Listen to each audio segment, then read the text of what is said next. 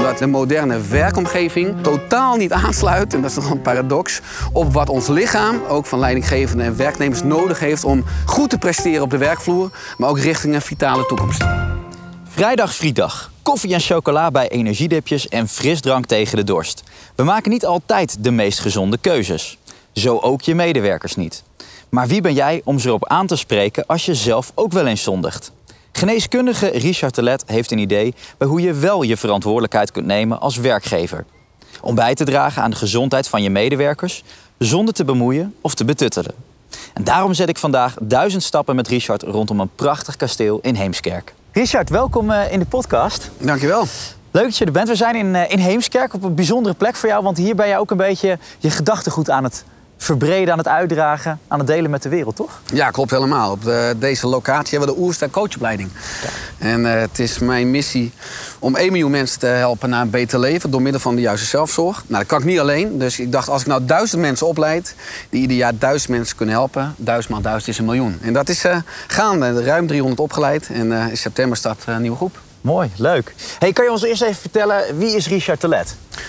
Ja, uh, Richard de Let is gefascineerd door het leven. Ik wilde toen ik jong was dierenarts worden. Op de middelbare school verschoof die fascinatie naar een andere diersoort, de mensaap. Het werd mm -hmm. geneeskunde. Ik begon geneeskunde op de VU in Amsterdam in 2002. Mijn doctoraal behaalde ik uh, in maart 2007. En in mijn reguliere artsopleiding had ik al heel veel interesse in uh, eigenlijk Oosterse stromingen, in het samenspel lichaam en geest. En ik kwam erachter dat we in de reguliere geneeskunde vooral experts zijn op het gebied van de acute geneeskunde. Als je je been breekt, als je een blinde darmontsteking hebt, een ernstige infectie hebt, maar dat we eigenlijk niks kunnen met chronische aandoeningen. En de moderne welvaartsziekten zijn eigenlijk allemaal het gevolg van onnatuurlijk leven. En ik wist alles over, nou, de, de, over de dood, over ziekte, maar niks over optimale gezondheid en over preventie en over leefstijl. Dus ik besloot in uh, juli 2007, ik werkte toen in het Medisch Centrum Alkmaar op een dinsdagmiddag. De spreekwoordelijke druppel dat ik er helemaal klaar mee was. Ik ja. heb mijn kluis leeggehaald in de artsenkamer. Iedereen een hand gegeven en gezegd van ik ga mijn eigen pad. En ik ben me vanaf toen gaan specialiseren in uh, de preventieve leefstijlgeneeskunde. Prachtig. En dat leidde in 2012 tot mijn eerste boek, Oersterk. En dat werd ja. zomaar een bestseller. En dan ineens ben je auteur, dan word je gevraagd voor praatjes. En inmiddels verschijnt mijn tiende boek bijna. We hebben een eigen opleiding, we hebben eigen magazines, we hebben eigen online cursussen. Nou, we hebben meerdere diensten waarmee we mensen dus willen inspireren om uh, gezonder te gaan leven. Meer op een natuurlijke wijze, zoals je volgens dat de wijsheid van het lichaam en volgens de wijsheid van de natuur, zeker. Ja, ja nou, daar gaan we zo meteen natuurlijk uitgebreid over hebben. Hoe je dat als organisatie, als werkgever, uh, hoe je dat kan faciliteren op een goede manier. Maar laten we dan eerst even stilstaan bij, ja, wat is dan natuurlijk leven? En, en waarom doen we het zo vaak fout? Kijk, kan jij al iets zeggen over wat meer natuurlijk leven eigenlijk is? Ja, natuurlijk leven gaat in mijn optiek over dat je je lichaam geeft wat het nodig heeft. Of je genen geeft, je handleiding. Ja. Helaas, als je een IKEA-kast koopt, krijg je een handleiding. Als je een auto koopt, krijg je gebruiksaanwijzing. Maar als je geboren wordt, krijgen we geen handleiding. Mm -hmm. En we leven eigenlijk allemaal tegen onze handleiding in nu... in de moderne, onnatuurlijke omgeving. Dus we zijn als mens in de evolutie ontstaan. De mens, homo sapiens, is zo'n 200.000 jaar oud. En we zijn als mens geworden wie we zijn dankzij de omgeving. Dus natuurlijke voeding, noodzaak om veel te bewegen.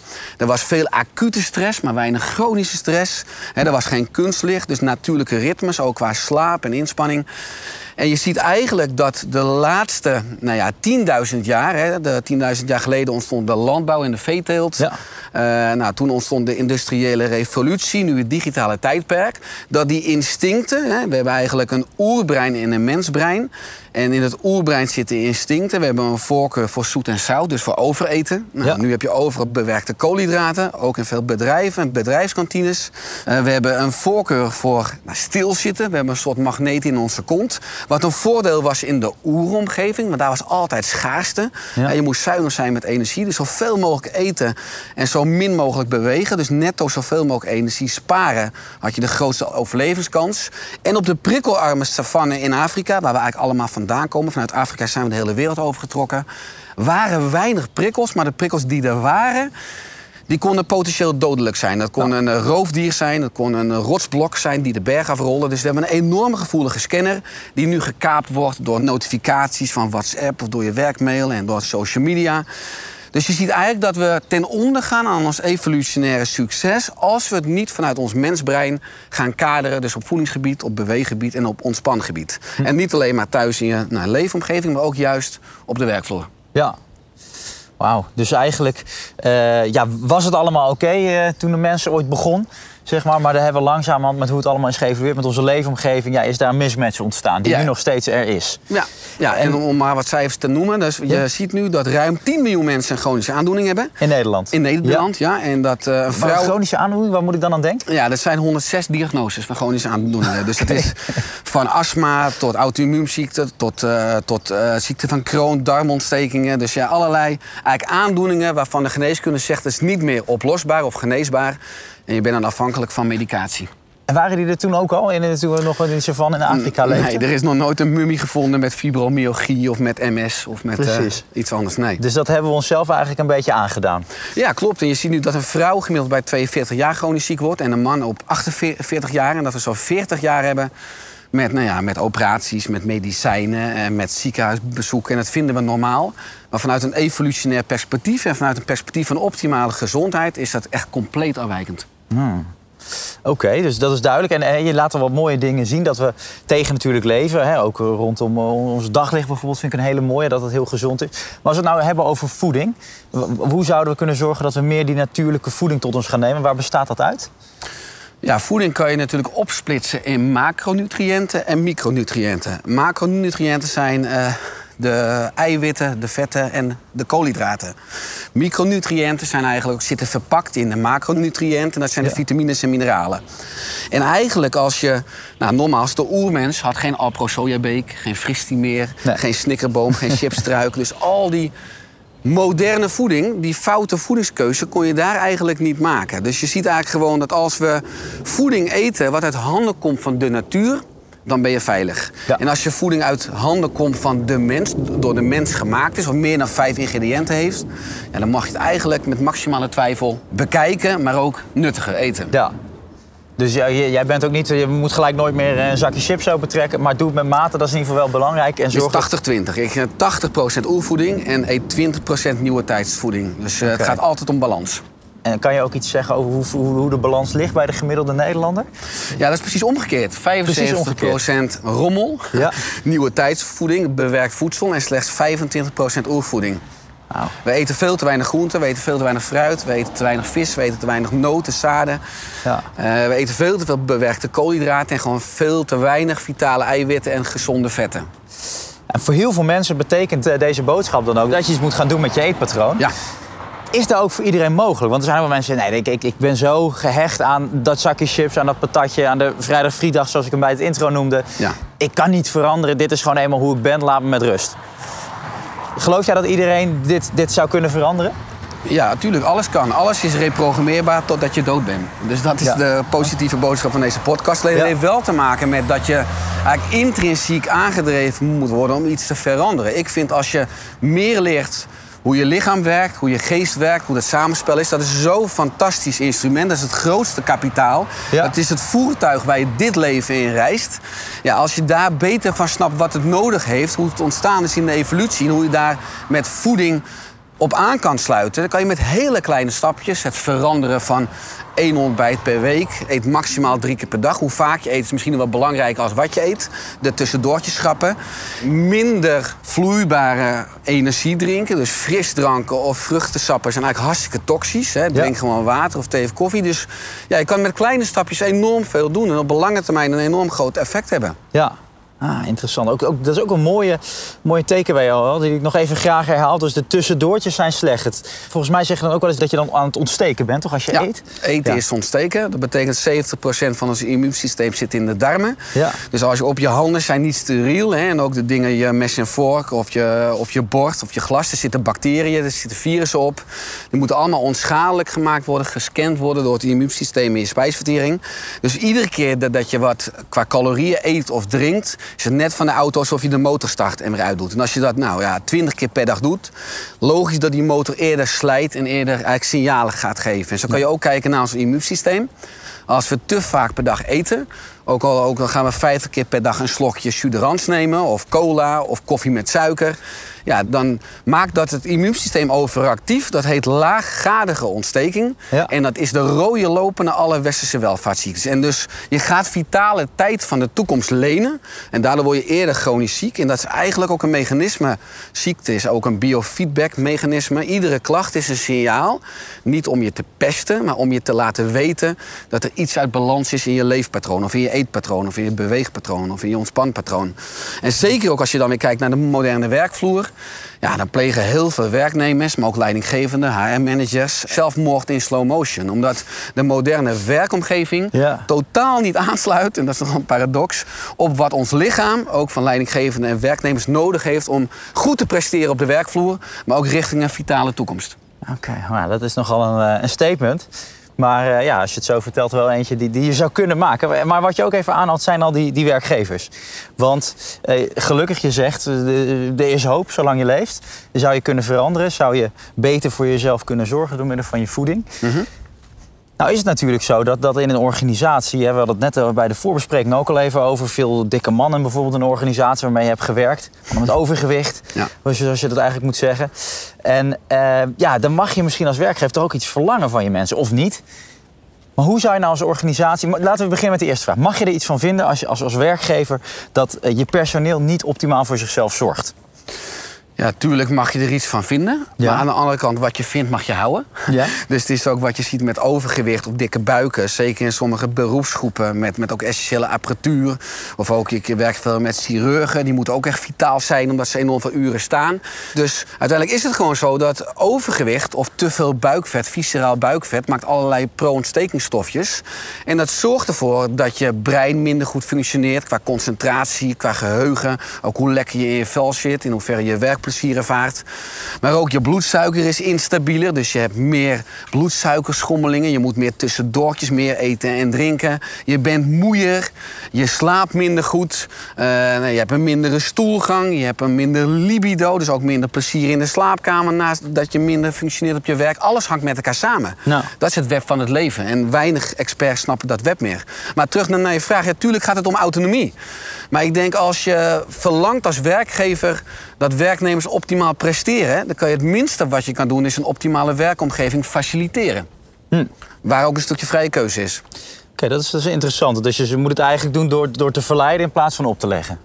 Ja, ik denk inderdaad, uh, zelfliefde hangt één op één samen met zelfzorg. Dus als je beter snapt wat je lichaam nodig heeft. Ja. En in mijn optiek gaat het vanuit, uh, nou, ook vanuit uh, werkgever of leidinggevende ook veel meer vanuit dat je een stukje faciliteert. En uh, vroeger keek men altijd in bedrijven naar ROI, eh, Return on Investment. En nu mhm. veel meer ook naar Value on Investment. Als je een cultuur creëert, een bedrijfsklimaat... waarin je ook allerlei secundaire voorwaarden hebt... zoals een vitale bedrijfskantine of uh, staand overleggen... Of uh, wandelen tijdens de vergadering, wat wij ook doen. Of meditatieruimtes. Of gewoon het beleid hebt. Buiten werktijd gaan we niet appen. Of je werkmail open je ook niet buiten werktijd. Het is belangrijk dat jullie daar ontspannen. Zodat jullie op het werk ook het beste kunnen geven. Ja, ja dat gaat veel meer ook uh, een magneet worden in de toekomst. Voor aantrekken van het beste personeel. Ook het behoud van het beste personeel. Radicaal lage ziekteverzuim. Meer werkplezier. Ja, en gewoon een vitaal bedrijf. Want wat heb je aan een gezond bedrijf als je lichaam failliet is? Ja, prachtige one Wat heb je een gezond bedrijf als je lichaam failliet is. Oké, dus dat zijn eigenlijk allemaal aspecten die jij noemt... waarin je dus als werkgever eigenlijk uh, eerst even de hand in eigen boezem moet steken... in plaats van de wijzende vinger misschien naar je personeel. Uh, Maar eerst kijken van, hey, doen wij eigenlijk al wat goed is? Stimuleren wij het al? En pas als je dat hebt gedaan, zou je dan... Uh, daar ook iets in mogen verwachten. Maar kan je daar ook het gesprek over voeren met elkaar? Als werkgever, werknemer, van hè, we, we zien iets gebeuren of we vinden dit belangrijk met elkaar? Nou ja, ik denk dat je, wat je nu wel steeds ziet bij bedrijven... is dat het thema vitaliteit enorm actueel is. Ja. Zeker ook gewoon enerzijds omdat het ziekteverzuim in veel sectoren te hoog is. Dat veel mensen weinig werkplezier hebben... of een slechte balans werk-privé. Uh, maar tuurlijk kan je het daarover hebben. Ik heb natuurlijk ook veel lezingen gegeven, workshops gegeven.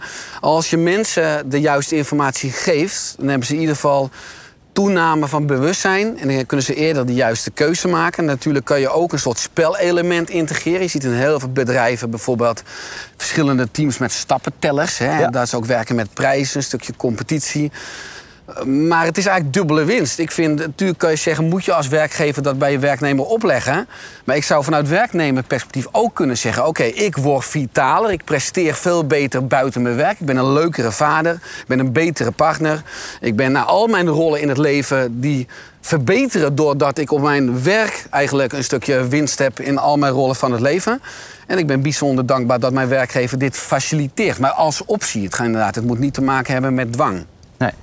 Grappig. Het kan eigenlijk zoals altijd aan twee kanten beginnen. Dan als je het hebt over de relatie werknemer-werkgever.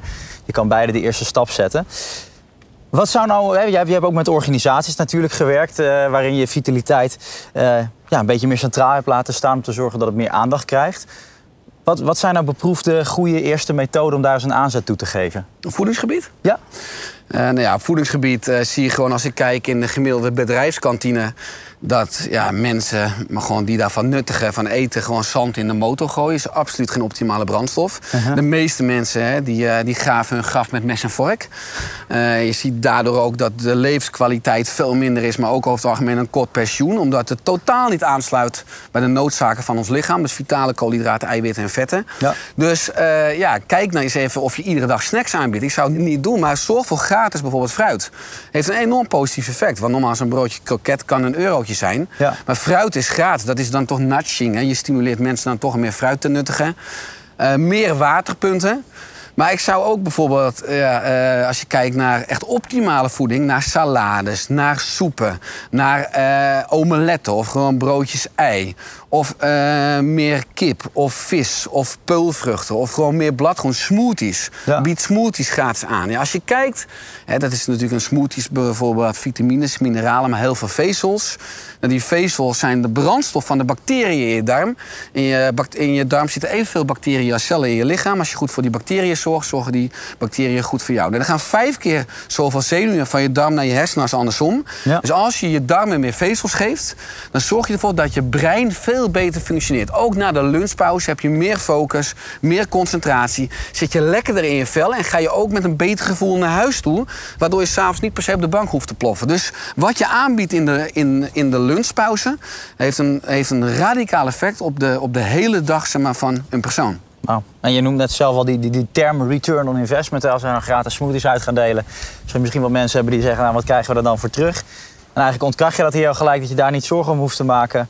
Uh, je, je, werknemers worden er indirect, of direct eigenlijk gelijk productiever van. Ja, nou, dat is natuurlijk uh, het grootste kapitaal, je menselijk kapitaal op de werkvloer. Ja. Harvard Business School heeft laten zien dat je voor iedere euro die je investeert in preventie gemiddeld 3,6 euro terugverdient. Dus uiteindelijk moet je op de korte termijn misschien wat investeren, maar op de lange termijn heb je gewoon winst op alle, alle vlakken. Ja, en nogmaals, je hebt gewoon veel meer levenskwaliteit. Een veel hogere productie. Ik heb bijvoorbeeld zelf een zes uur werkdag. waarom zou ik acht uur per dag werken? Ik heb gewoon al twee uur per dag dat ik ook mijn werknemers tijd geef voor de juiste zelfzorg. Ja, precies. Prachtig.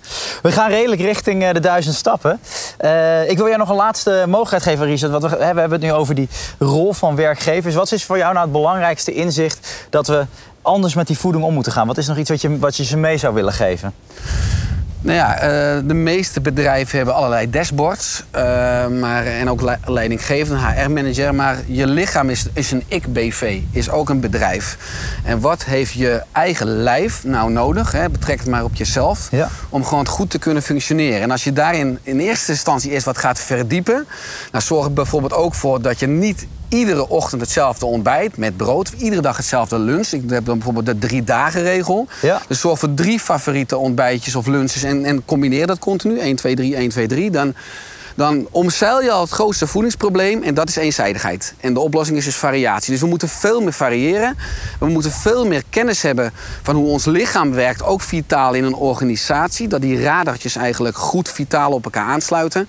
Ja, en daarmee zorg je voor een radicale toename van uh, werkplezier, productiviteit en afname van, uh, van ziekteverzuim. Maar met z'n allen uiteindelijk voor een veel betere wereld.